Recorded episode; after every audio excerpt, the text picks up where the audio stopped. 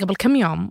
آه، جتني أعراض ما كنت فاهمة هي إيش بالضبط okay فمثلا جتني دوخة جتني آه، آه، أعراض آه، تعب غريبة فلما رحت للمستشفى مم. آه، الدكتورة واحدة من أول الأسئلة اللي سألتني إياها قالت لي هل تاكلين ثلج؟ okay كنت أقول وش هذا السؤال الغريب لما استوعبت أنا إيش قاعدة أسوي في خلال ال- اليوم أنا ما أقدر أبدأ أشتغل إلا لين أكل ثلج ليش؟ هو من أهم الأعراض اللي آه، تصيب مرضى فقر الدم. فلما تشوف أحد قاعد يأكل ثلج آه، فحط احتمال مرة كبير أنه يعاني من فقر الدم. هذا الشيء لما عرفته غير لي أشياء كثير فصرت أقفض كثير ناس وأنبههم. والحلو بالموضوع إنه فعلا لما يروحون يكشفون وكذا يقولوا لي إلا والله صادق إنه طلع معانا فقر دم هذا بودكاست الفجر من ثمانية.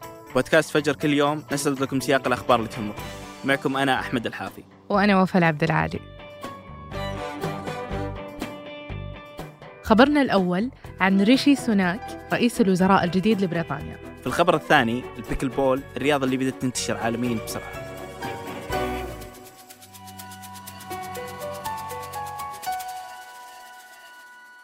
This will mean difficult decisions to come. هذا كان أول تصريح رسمي لريشي سوناك رئيس وزراء بريطانيا الجديد. بعد تكليفه من ملك بريطانيا تشارلز الثالث هالأسبوع بتشكيل الحكومة. سوناك صار بهالمنصب بعد استقالة رئيسة الوزراء السابقة ليز تراس اللي استقالتها جت بعد 45 يوم بس من تولي مهام رئاسة الحكومة واللي عرفت بأقصر مدة حكم في تاريخ بريطانيا.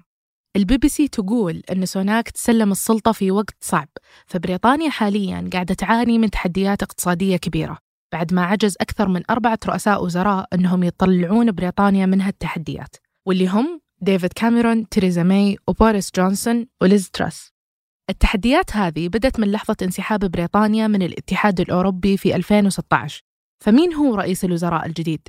وهل راح يخرج بريطانيا من أزمتها الاقتصادية؟ ولد سوناك في مدينة ساوثهامبتون البريطانية سنة 1980 بعد ما هاجروا أهله إلى بريطانيا في الستينات درس الفلسفة والسياسة والاقتصاد بجامعة أكسفورد البريطانية وبعدها التحق بجامعة ستانفورد الأمريكية في كاليفورنيا حتى يدرس إدارة الأعمال. خلال وجوده في أمريكا التقى بزوجته وهي ابنة ملياردير هندي اللي يعتبر قطب من أقطاب تكنولوجيا المعلومات وهو الشيء اللي يخليه اليوم من المسؤولين الأثرياء في بريطانيا. ولكن سوناك يتجنب التعليق علنا عن ثروته رغم أنه في كلام كثير يقول أنه صار مليونير في وقت مبكر بسبب حياته المهنية في قطاع المال والأعمال. ولكن بحسب البي بي سي تبلغ ثروته اليوم 850 مليون دولار. ومو بس صار يشغل أهم منصب في بريطانيا بل أنه أكثر ثراء من الملك بحسب التقارير. خصوصا أنه كان مجرد محلل مالي في بنك جولدمان ساكس قبل سنوات. ورغم أنه حضور سوناك ما كان بارز في الإعلام السنوات الماضية إلا أنه كان نشط في الحياة السياسية وشغل عدة مناصب. فكان وزير المالية مع تيريزا ماي وبوريس جونسون والفترة هذه كان ممكن أنه تنتهي فيها مسيرته السياسية خصوصا بعد ما ترك سوناك منصبه كوزير للمالية في يوليو الماضي. وهالخطوة ساهمت في إسقاط جونسون زعيم حزب المحافظين ورئيس الوزراء. لكن سوناك ما تراجع عن طموحاته السياسية لذلك ترشح لرئاسة الوزراء وخسر المنافسة في النهاية أمام ليز تراس واعترف وقتها بالهزيمة وتراجع للمقاعد الخلفية بالبرلمان. واليوم رجع من جديد كرئيس للوزراء بعد انسحاب منافسته بيني موردنت زعيمة حزب المحافظين في مجلس العموم. وصار سوناك بعد توليه المهام رسميا يوم الأربعاء أول زعيم بريطاني من أصل هندي. ورغم أصوله المهاجرة إلا أن رؤيته ما تختلف عن رؤية رئيسة الوزراء السابقة تراس خصوصا في المسائل المتعلقة بالشرق الأوسط وقضايا الهجرة. فسوناك يدعم خطة رواندا المثيرة للجدل واللي هدفها ترحيل طالبي اللجوء إلى رواندا وهو بعد من مؤيدين تقنين الهجرة. عشان كذا حط خطة مواجهة الهجرة الغير شرعية بصلب برنامجه الانتخابي. ووصف أزمة الهجرة بأنها حالة طوارئ ثانية في الدولة وضروري معالجتها. وبعد وصف الأزمة الاقتصادية الحالية بأنها التحدي الأعمق وانتقد كل خطط تراس لخفض الضرائب. وأول قرار له أمس كان أنه يؤجل إعلان خطة الإصلاح الاقتصادي إلى نصف الشهر الجاي. وشدد سوناك أن حكومته ملتزمة بحماية الفئات الأكثر ضعف ووعد بالتركيز على أمن الطاقة خصوصا مع ارتفاع تكاليف الكهرباء. وعشان نفهم حجم الأزمة الاقتصادية اليوم فالبريطانيين يعانون من تحدي ارتفاع تكلفة المعيشة والطاقة بسبب ارتفاع التضخم بنسبة 10% وهذا لأول مرة يصير من 40 سنة. فمتوسط فواتير الكهرباء المنزلية ارتفعت للضعف هالسنة وفي توقعات أنه يرتفع أكثر مع تراجع إمدادات الغاز الروسي بعد الحرب الأوكرانية. أما على مستوى الخدمات العامة فالناس تعاني من طول الانتظار لين يحصلون على خدمات الرعاية الصحية. فالجمعية الطبية البريطانية ذكرت أنه سببه هو نقص الموظفين وضعف التمويل. لكن تبقى القضية الأبرز اللي تواجه بريطانيا اليوم هي الفوضى اللي جت بعد خروج بريطانيا من الاتحاد الأوروبي واللي لا تزال تسبب مشاكل كبيرة. مثل وش المشاكل اللي جتهم يعني؟ حسب بلومبرج تراجعت التجارة من بريطانيا إلى الاتحاد الأوروبي بنسبة 16% والتقارير تقول أن أداء بريطانيا التجاري تأخر عن البلدان المتقدمة الأخرى وبدت المؤشرات تنكشف بعد دخول القرار حيز التنفيذ. فمثلا معظم المنتجات صارت تحتاج شهادات أكثر للتفتيش والمتطلبات الجمركية وكل هذا يزيد من تكاليف التجارة. وصار يصعب على الشركات البريطانية أنها تلقى أسواق بديلة. والبيانات تقول أن بعد خروج بريطانيا من الاتحاد أكثر المنتجات غلط وبالتالي زاد التضخم. وأن الاقتصاد البريطاني خسر 31 مليار باوند بس بسبب الخروج من الاتحاد.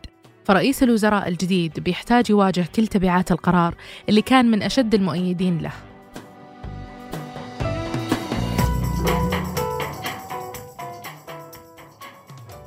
قد سمعتي عن بيكل بول؟ آه لا. هي رياضة جديدة قريبة من بادل اللي انتشرت قريب. بس تختلف عنها شوي. فهي والبادل كلهم ألعاب مشتقة من التنس لكن في بعض الاختلافات. فمثلا البادل يلعبون فيها أربعة مو باثنين وملعبها أصغر. حوله قزاز يرد الكورة والكورة والمضرب نفسهم يختلفون. ويكون فيه رمل على أرضيتها عشان يمنع الارتداد السريع للكورة وبعد عشان يطول عمر الملعب. والمضرب ما هو شبكي زي مضرب التنس لكن يكون من ألياف الكربون اللي تعطي نفس إحساس الخشب. وهذا سبب ترى أن مضارب البادل غالية. تكلفة القزاز والملعب العالية مع الطلب العالي جدا عليها هو سبب ارتفاع تكلفتها بالمقارنة بباقي الرياضات. فالفكرة الأساسية من بادل هي أننا أخذنا التنس رياضة تحتاج فترة عشان تتعلم تتطور فيها وحولناها بالتغييرات هذه الرياضة سهلة تتعلمها بسرعة. فالبادل لهالسبب صارت خيار سهل وممتع للاعبين وانتشرت بسرعة حول العالم. لدرجة أن عدد اللي يلعبونها بالعالم تعدى 25 مليون وصارت الرياضة الأسرع انتشارا بالعالم.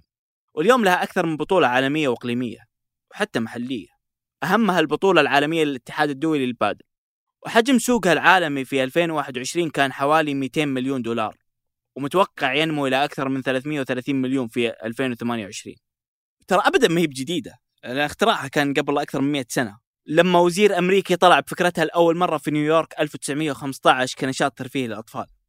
لكن الفرق في pickleball إنها ممكن تلعب بين اثنين أو أربعة مو بلازم أربعة زي بادل. والكرة في pickleball تكون بلاستيك فيها فتحات للهواء من كل مكان بينما كرة البادل زي كرة التنس تقريبا. و pickleball بدت بالصدفة يعني كان في ثلاث أمريكيين حاولوا في 1965 يلعبون ريشة لكن المعدات ما كانت مكتملة وكان عندهم كرة بلاستيك بدال الريشة. فجربوا يلعبونها بطريقة جديدة واكتشفوا أنها تمشي ثم بعدها تطورت صارت لها قوانينها الحالية. بيكل بول قبل كورونا كانوا يشوفون أنها لعبة كبار سن لأن كثير منهم كانوا يعتبرونها خيار خفيف وممتع وبديل عن الرياضات الصعبة. لكن في وقت الجائحة انتشرت بشكل كبير وسريع حول العالم وعند كل الفئات بالذات في أمريكا اللي صارت فيها الرياضة الأسرع انتشارا. في العالم صار يلعبها حول 5 مليون شخص رغم أن عددهم كان أقل من نص هالرقم قبل خمس سنين بس. لكن ترى إلى الحين لا هي ولا بادل من رياضات الأولمبياد الرسمية.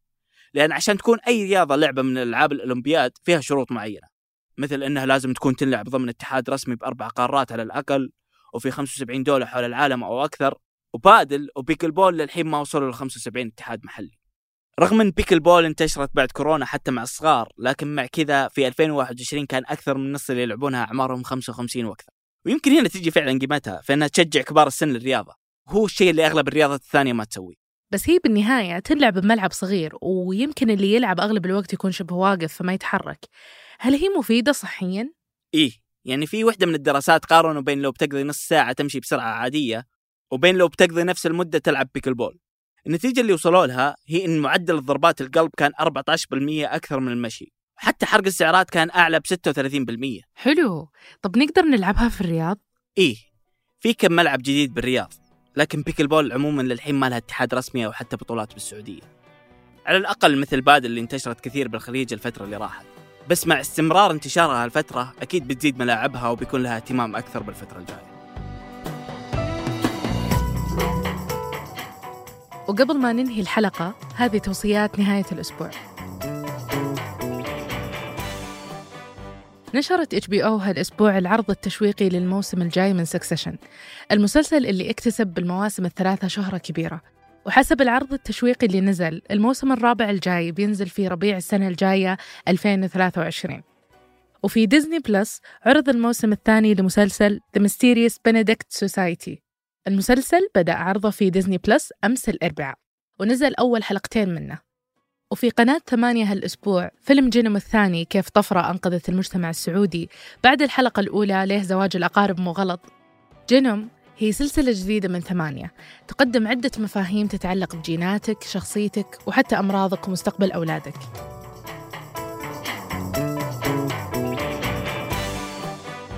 أنتج هذه الحلقة عمر العمران وتركي البلوشي. وراجعها تركي القحطاني وأشرف عليها سحر سليمان. قدمتها أنا أحمد الحافي. وأنا وفاء العبد العالي. حررها محمود أبو ندى. نشوفكم الأحد الفجر.